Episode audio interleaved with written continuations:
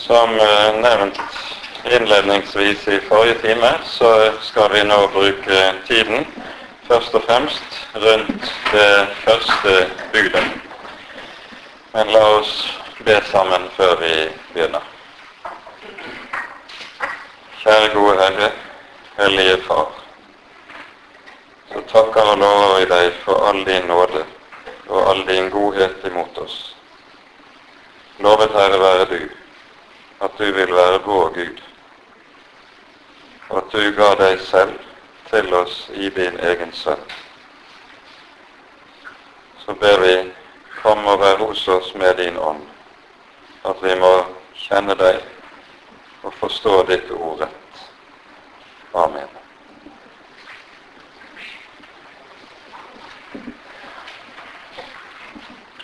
Første bud dreier seg om en grunnleggende hovedsak. For Gud være Gud i våre liv, i et menneskes liv. Og dette er egentlig det som er også katekismens hovedsak. Eh, Luther er uhyre sterk på dette at det første bud det er egentlig det alt i katekismen dreier seg om, og som alt i troen sikter imot. At Gud skal få være den han er i menneskets liv. Ehm, og Derfor går det en direkte linje fra, ikke bare fra første bud til alle de øvrige budene, men også en direkte linje fra første bud til trosartiklene. Og eh, Luther eh, får seg også til å si at det første trosartikkel, som er den egentlige og som er den høyeste artikkel Sånn eh, har vi, vi gjerne ikke vant til å tenke fordi vi gjerne konsentrerer oss om andre trosartikkel. Men poenget med andre trosartikkel er jo med budskapet om Jesus, hans komme og hans gjerning. Det er jo nettopp at første trosartikkel skal få komme til sin rett. At Gud skal få være vår Gud.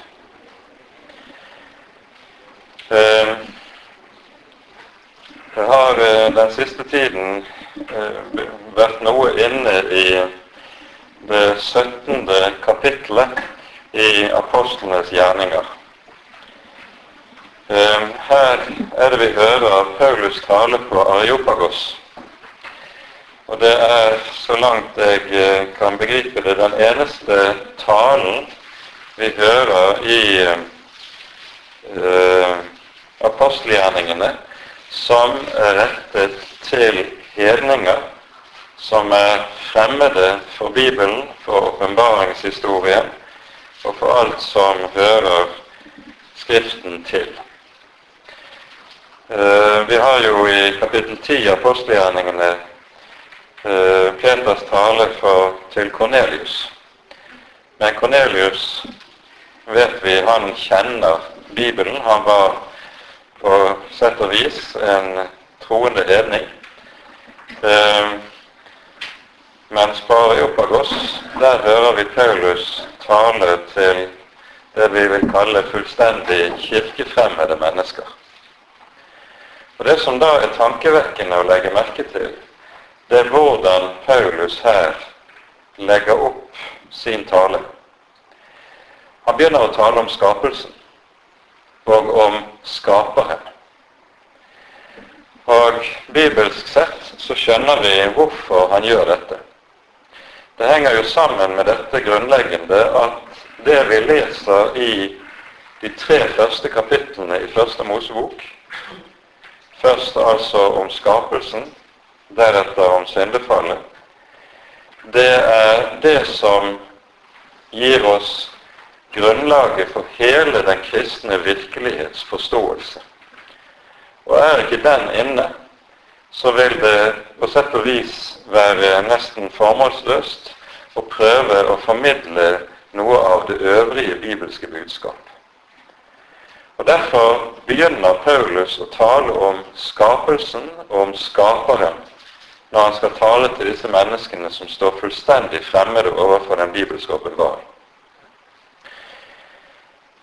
I dette at Paulus taler om at det er en allmektig skaper, i motsetning til hedenskapets mange ulike avguder, for den linjen drar han også en skarp linje mellom Bibelens tale om skaperen og de ulike avguder i hedenskapet.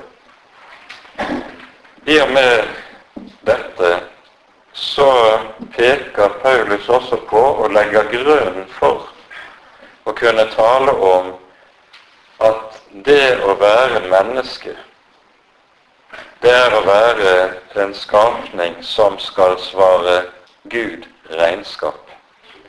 En dag skal jeg møte min skaper og må svare for hvordan jeg har ledet. Og Det er derfor, etter at han har talt om Bibelens Gud, skaperen, og hvorledes han skiller seg fra avgudene, så går apostelen umiddelbart over til å tale nettopp om dette at vi skal svare Gud regnskap. Vi leser da bare et utsnitt fra denne talen fra vers 30 av i apostelgjerningene 17. Etter at Gud har båret over med uvitenhetens tider, befaler han nå alle mennesker alle steder at de skal omvende seg. For han har fastsatt en dag da han skal dømme verden med rettferdighet. Dette skal skje ved den mann han har utvalgt til det, etter at han har gitt fullgodt bevis for alle ved å reise ham opp fra de døde. Da de hørte om de dødes oppstandelse, spottet noen. Og så har vi avvisningen her. Men legg merke til hvordan Paulus her ordlegger seg. Han taler altså om en regnskapsdag.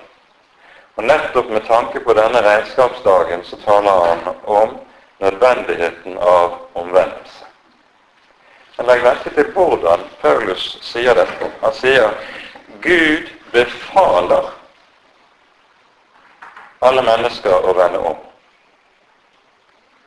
Han sier ikke at Gud ber pent om at menneskene skal vende om. Men han sier Gud befaler.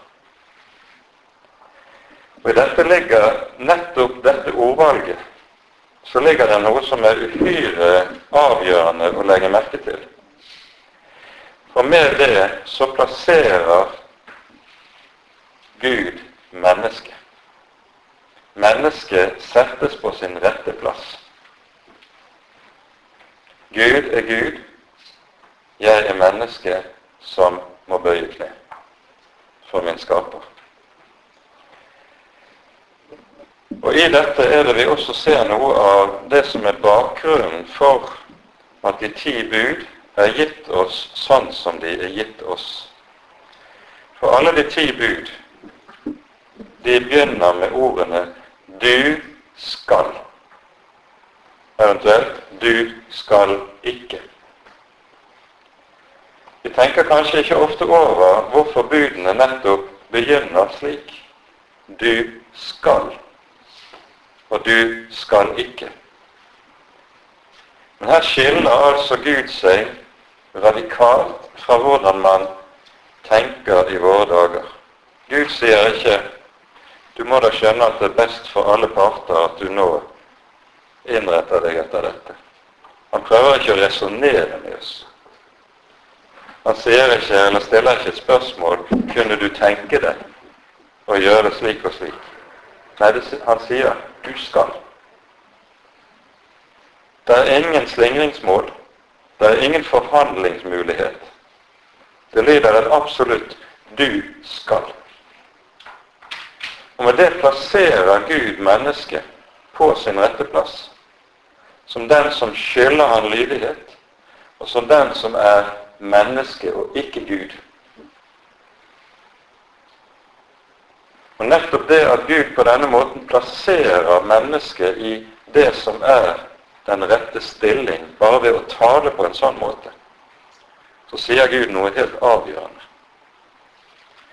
der han går i møte med det som er så å si grunnsynden i menneskets liv etter fallet. Grunnsynden er jo beskrevet i Første Moseboks tredje kapittel, når slangen sier 'Dere skal bli like som Gud'.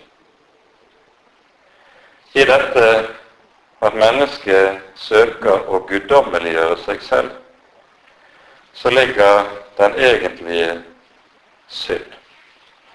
Det kommer til uttrykk på mange måter. Jeg vil være min egen herre. Det er ikke en uvanlig måte å talemåte å høre i våre dager. Men mennesket er ikke sin egen herre. Og vil det være sin egen herre, så er det nettopp uttrykk for Guds opprøre fra syndefallets dager. Det at mennesket vil være sin egen herre, det ytrer seg jo også i det at mennesket ikke vil la seg si. Jeg godtar ikke at en kommer til meg og skal fortelle meg hvordan jeg skal leve, hva jeg skal gjøre. En Gud som opererer slik, vil jeg ikke vite noe av. I dette er det vi ser det moderne menneskets avvisning av Bibelens budskap. For en finner seg ikke i at Gud kommer og blander seg inn i hvordan jeg innretter mitt liv.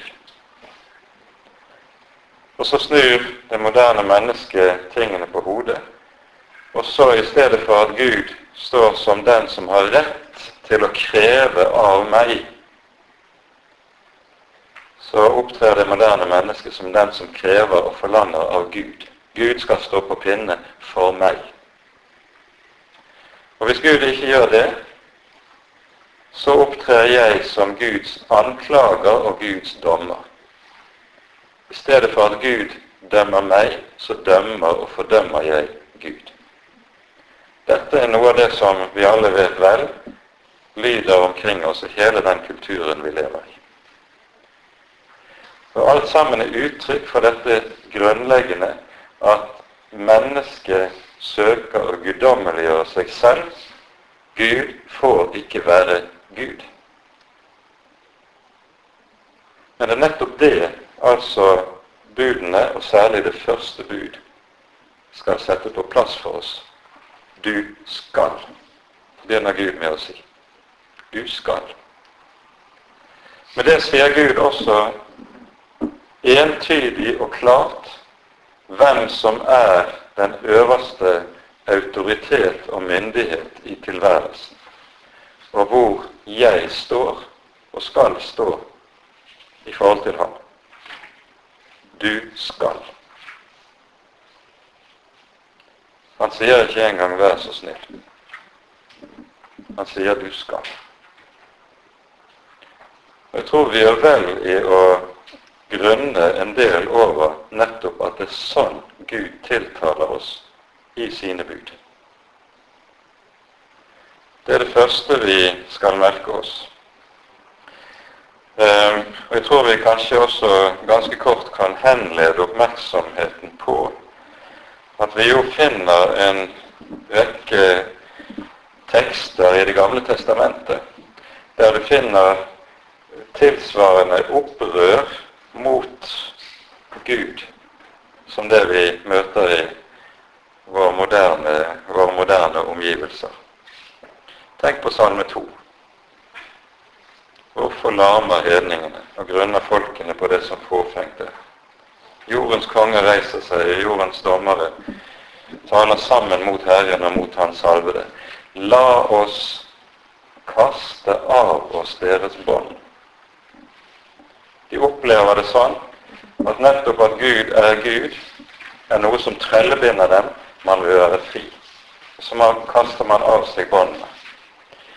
Jeremia-boken, i det andre kapittel, så hører vi at folket sier, Herren sier til folket, har jeg vært et velvært land for Israel? Hvorfor sier de da til meg, vi vil være fri? Altså, folket vil leve etter sin egen vilje, og så kaller de det for frihet. som om Gud hadde gjort dem ondt, og var en som ikke ville dem vel. I Jesaja 28 så hører vi at folk reagerer når Herren kommer til dem og forkynner dem sine bud.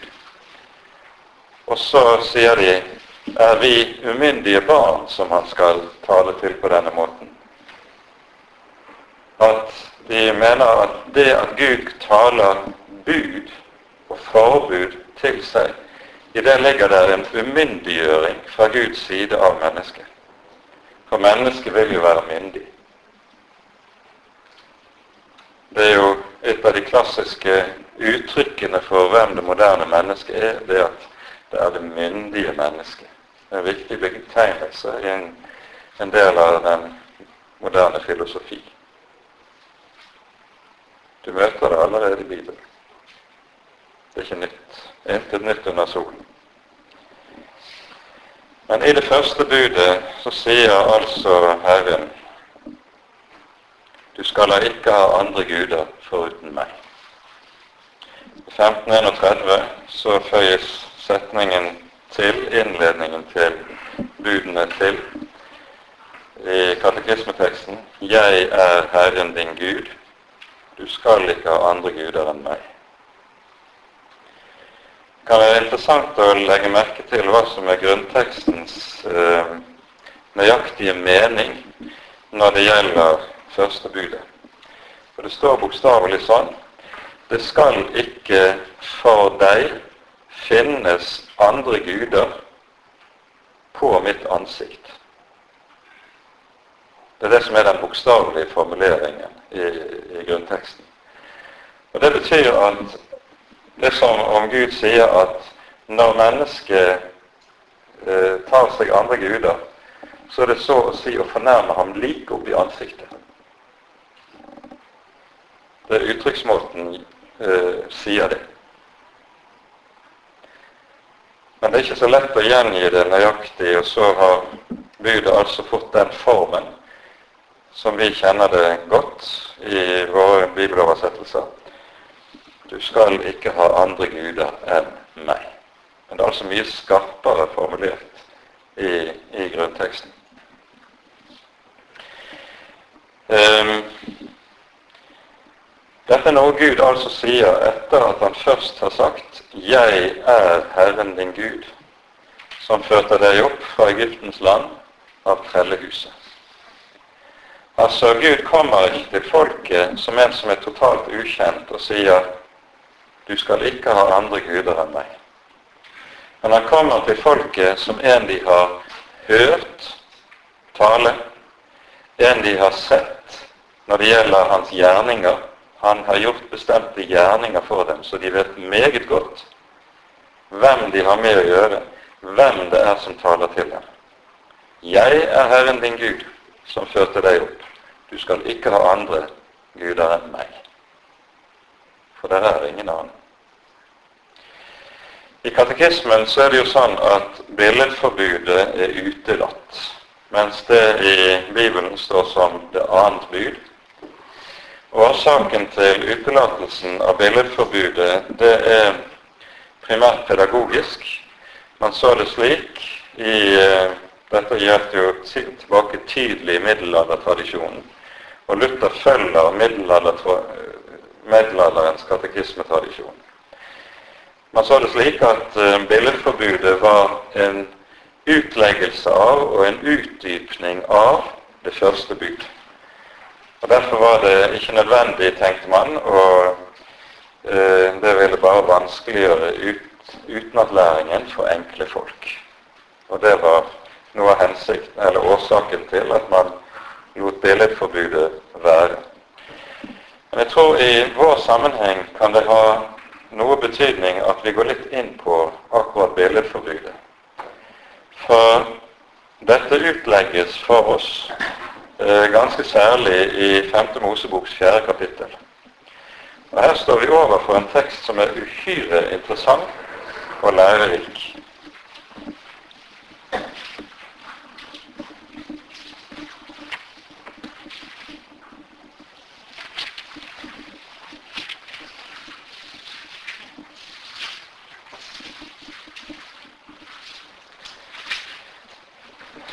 Når vi kommer til det fjerde kapittelet i Femte Mosebok, så er det at Moses før sin avskjed med folket begynner å gjennomgå eh, budene for folket, konkretisere dem og utlegge hva som ligger i budene.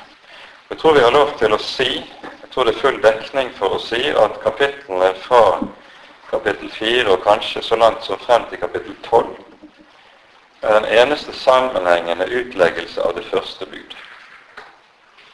Det er viktig å være oppmerksom på, og har man det perspektivet i minnet, så vil det gi mye for troen å arbeide med disse kapitlene. Det som vi hører i det fjerde kapittelet, det er at Moses minner om hva som skjedde da loven ble gitt på Sinai. Og dette har han en helt bestemt hensikt med. Vi leser fra vers 11. Da kom dere nær til og sto nedenfor fjellet, mens fjellet sto i lys lue like inn i himmelen. Det var mørke, og skyer og skodde. Og Herren talte til dere midt ut av ilden. Dere hørte lyden av ordene, men noen skikkelse så dere ikke. Dere hørte bare røsten. Og han forkynte dere sin pakt, som han bød dere å holde, de ti ord, og han skrev dem på to steintavler. På samme tid bød Herren meg å lære dere lover og bud, som dere skal leve etter i det land dere drar over til og skal ta i eie. Så tar dere nå vel i vare, så sant dere har deres liv kjært.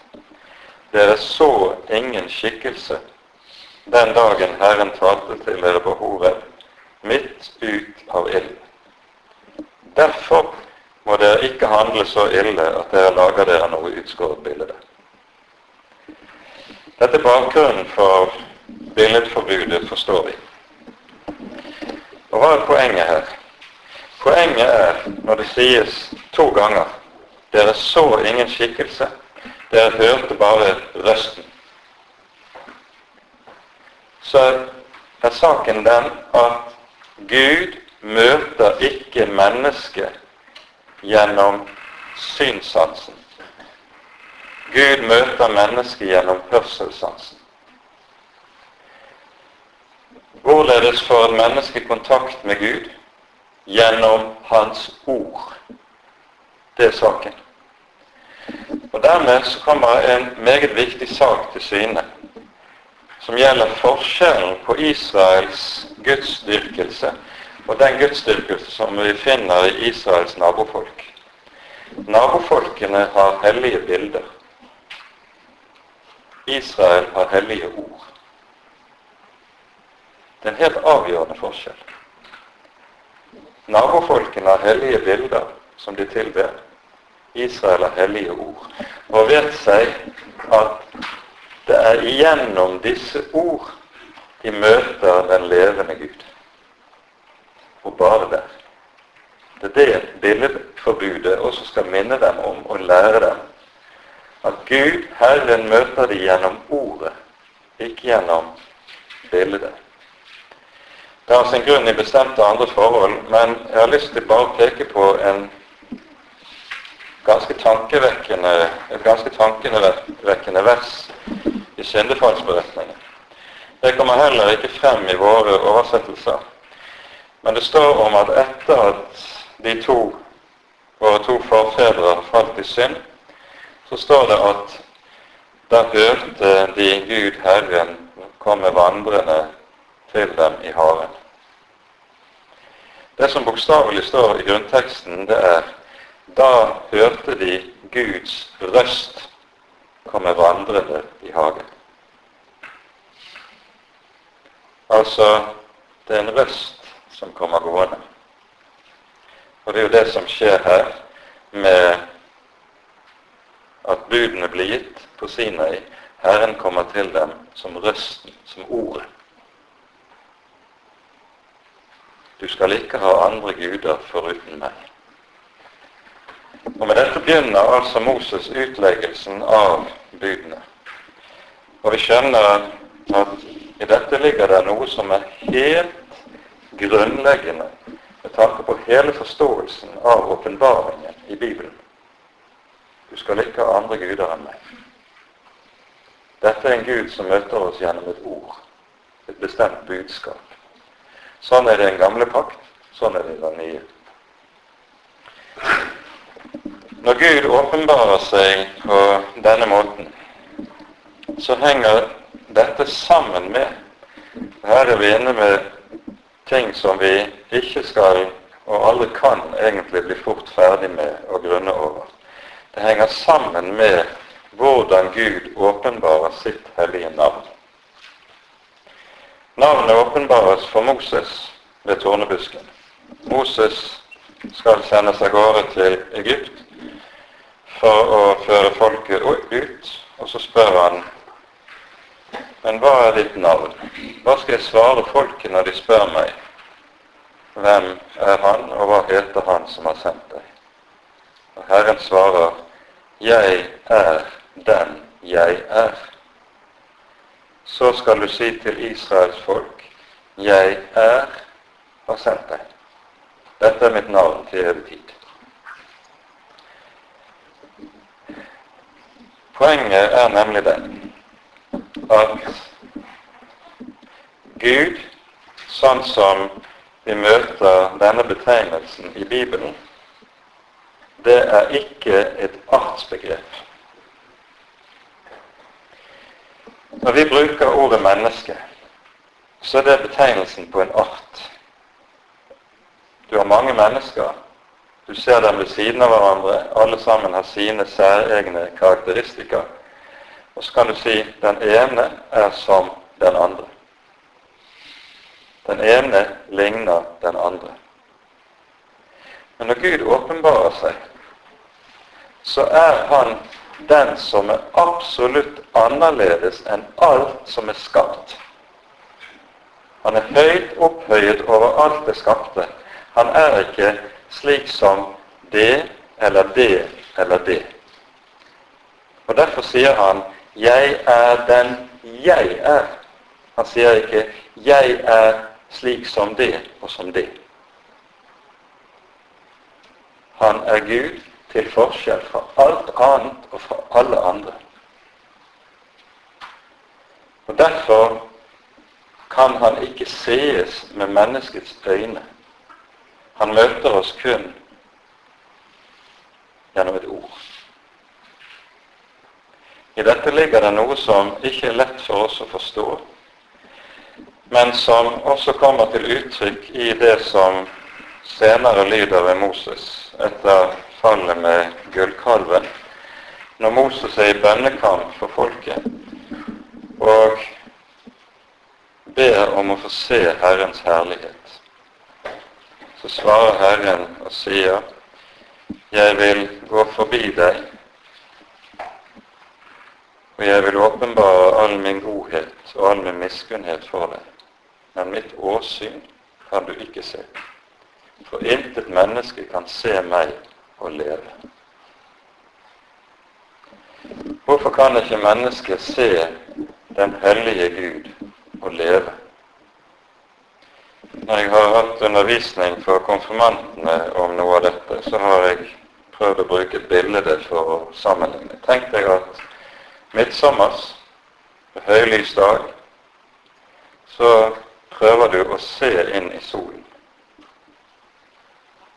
Hvordan går det med øynene da? Ser du et lite øyeblikk, så blendes du. Men prøver du å stirre inn i solen, så vil øynene dine ødelegges. For lyset er så kraftig. Hva da med Han som har skapt de millioner og milliarder av soler som er i universet? Han er et lys, en herlighet, et velde, som er så ufattelig at det ikke bare er våre øyne som ikke vil tåle å se denne herlighet. Hele vårt vesen vil bryte sammen i møte med det, fordi Han er den hellige, du og jeg er syndere. Han sier 'Jeg er den jeg er'. Ikke den du tenker jeg er. Jeg er ikke slik som det eller som det. Jeg er den jeg er. Han er Gud. Da aner vi også noe av hvorfor Skriften i de siste kapitler i vår bibel taler om hva saligheten innebærer. Saligheten består i å se Gud. I dette ligger det noe så stort at vi knapt kan ane og begripe hva som ligger i det. Når vi først har fått sett litt av denne bakgrunnen. Jeg er den jeg er. I Salme 51, nei, Salme 50, vers 21, hører vi noe av det som beskrives som Israels synd, nettopp i forhold til det første budet. Der sies det slik Du tenkte at jeg var som du. Israels synd består i at man tenker at Gud er sånn som oss. Lager seg en Gud i sitt eget bilde. Og hva denne Gud i menneskets bilde uh, er kjennetegnet ved, ser vi i de foregående vers i Salme 50. Det er en Gud som ikke tar det så nøye når det gjelder synd, og det annet som er i strid med Herrens bud. Gud er snill og grei. Han tar det ikke så nøye. Du tenkte jeg var som du. Men Guds navn er altså 'Jeg er den jeg er'. Og Det å lære dette, det at det får trenge inn sånn at det blir ditt og mitt liv, så Gud er Gud, det er det som er noe av Bibelens hovedsak. Du skal ikke ha andre guder enn meg. I 5. Mosebok 6. kapittel så hører vi Israels trosbekjennelse, som vi allerede har vært innom et par ganger. Hør Israel, Herren din Gud, Herren er én. Det vi skal merke oss når det gjelder det som står der, som også er vanskelig å oversette når det gjelder våre bibeloversettelser, det er at det ordet som er oversatt med én, ordet er 'had' på hebraisk, det er et ord som betyr en enhet som består av flere. Gud er tre i én. Dersom det skulle sies nemlig at Herren det Gud, Herren er én, og ble ment enhet i betydningen singularitet, så har hebraisk en annen betegnelse for dette. Ordet echad. Det betyr det som er en sammensmeltning av flere. Og vi skjønner, for slik åpenbarer Det nye testamentet oss det tydelig, han er en treenig Gud. Jeg er den jeg er. Og så leder første bud direkte inn i troens tre artikler. Menneskets trang til å guddommeliggjøre seg selv og ta Guds plass, den er noe som går gjennom hele historien. Og hele religionshistorien dreier seg dypest sett om samme sak på ulike måter.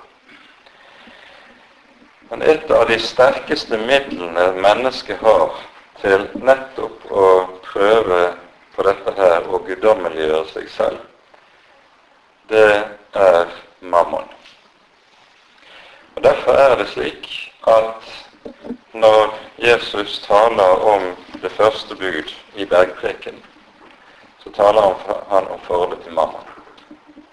Og Vi skal lese noen vers fra Matteus 6. kapittel.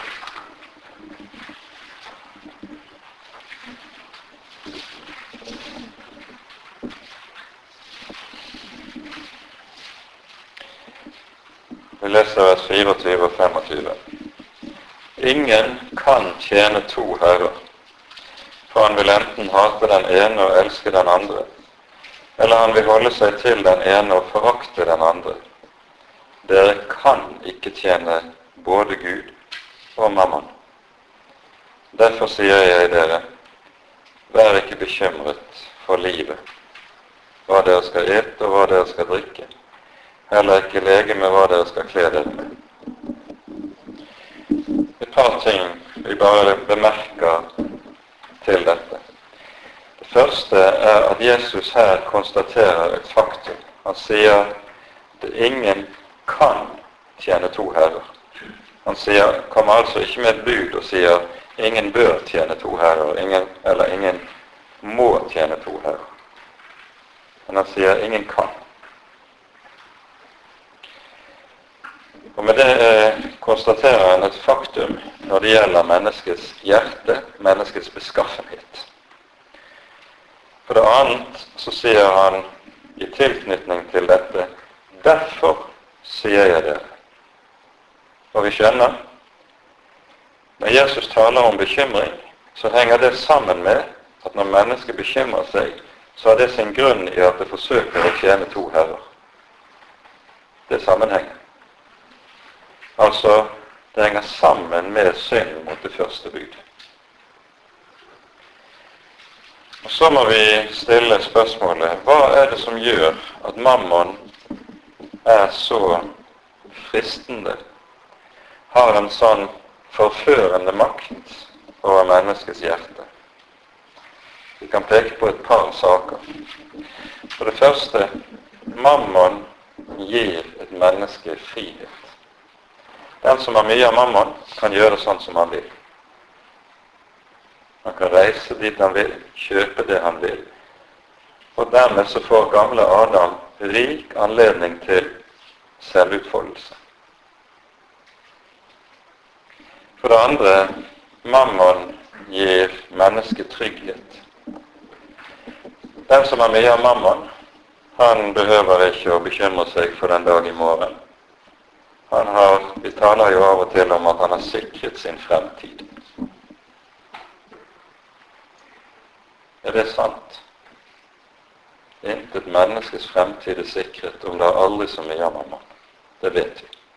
Bibelen taler tydelig om det. Men det er sånn at mammaen har det med seg at der hvor det er mye av han, så roper gullet og tingene til, til oss stol på oss. Stol på oss.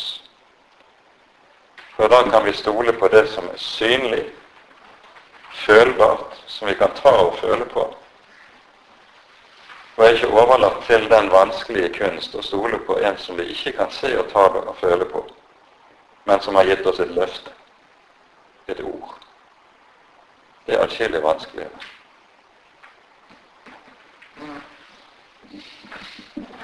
Det er vel Karsten Isaksen som gjengir en av bøkene sine en samtale han en gang hadde med en bonde oppe i dalen der han bor. Og Bonden sammenfattet hva som kjennetegnet eh, folkets religiøse liv oppe i dalen med følgende ord. Her i dalen tror vi på Gud, men vi er ikke avhengige av ham. Man har alt man trenger. Det er greit å ha Gud som en eh, ja, en viss fritidsinteresse, men man er ikke avhengig av. Men er Gud Gud, da er man avhengig av ham på sitt bare liv. Det er jo det det er å være en kristen. At jeg er kommet i den stilling at jeg ikke kan klare meg uten Jesus. Jeg ikke kan klare meg uten at han er den han er. Men mammon er en av de som frister oss til en helt annen vei. Han gir trygghet. Og Det siste og kanskje det farligste med mammon, det er jo dette at den som har mye av mammon, han har også makt over andre mennesker. Og det å utøve makt over andre mennesker, det er noe av det farligste som vi kan komme til å gjøre.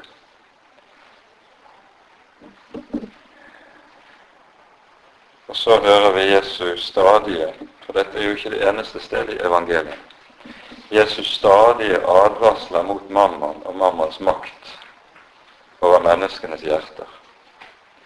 Det er fordi det handler om det første bud. Og Samtidig ser vi nettopp i denne forbindelse hvordan det første bud også leder direkte inn i forhold til de øvrige bud. Nemlig at der Gud får være Gud, der kommer en også på plass når det gjelder alle de andre budene. Noe som er noe av en hovedsak i Luthers undervisning om budene. Når du leser i Store katekisme f.eks. om første bud, så sier, taler jo Luther veldig sterkt om at den som oppfyller første bud, han vil også oppfylle alle de andre budene. Det er sammenhengen i dette. Menneskets trang til å guddommeliggjøre seg selv, som også kommer til uttrykk i forlengelsen av det vi har talt om, det kjennetegner det moderne mennesket, at det ønsker å realisere seg selv. Samme sak som vi egentlig har vært innom hele veien, men som står i den skarpeste motsetning til noe av det helt sentrale i Jesu budskap. Jesus sier om noen vil komme etter meg, da må han fornekte seg selv, ta sitt kors opp og følge meg. For den som vil berge sitt liv, skal miste det, men den som mister sitt liv for min skyld, han skal finne det. Dette er også det første bud. Og det, Gud får bare være Gud for et menneske dersom selve dør og korsfestes. Det er situasjonen etter syndefallet. Så lenge selve, så lenge selv livet får lov til å bli værende, så får Gud aldri være Gud for oss. Så taler Jesus på denne måten så skarpt som han gjør, at uten at noen tar sitt kors opp og følger meg efter, er han meg ikke verd. Og Når Jesus bruker uttrykket 'å fornekte seg selv', så taler han ikke om selvfornektelse i vår vanlige dagligdagse språkbruksmening. Vi kan si at det er selvfornektelse å la være å spise en sjokolade på en lørdags ettermiddag, f.eks. Det er jo ikke det han taler om. Selvfornektelse, Jesu mening av ordet, det betyr en fornektelse av selvlivet. Og Derfor er det også sånn at selve frelsen den består i at jeg forløses fra, jeg frelses fra det jeg er i meg selv. Så radikal er frelsen. Det er ikke bare frelse og forløsning fra enkelte syndige handlinger som jeg har gjort meg skyldig i, men det er en forløsning fra selvlivet i meg Det korsfestes, og det må dø. Bare da får Gud være Gud. Bare da får det første bud være det første bud. Du skal ikke ha andre guder enn meg. Det er fort gjort å si dette budet, men det er ikke fort gjort å bli ferdig med det, og at det får bli virkelighet for oss. Ære være Faderen og Sønnen og Den hellige ånd, som var og er og være skal, en sann Gud, høylovet i evighet. Amen.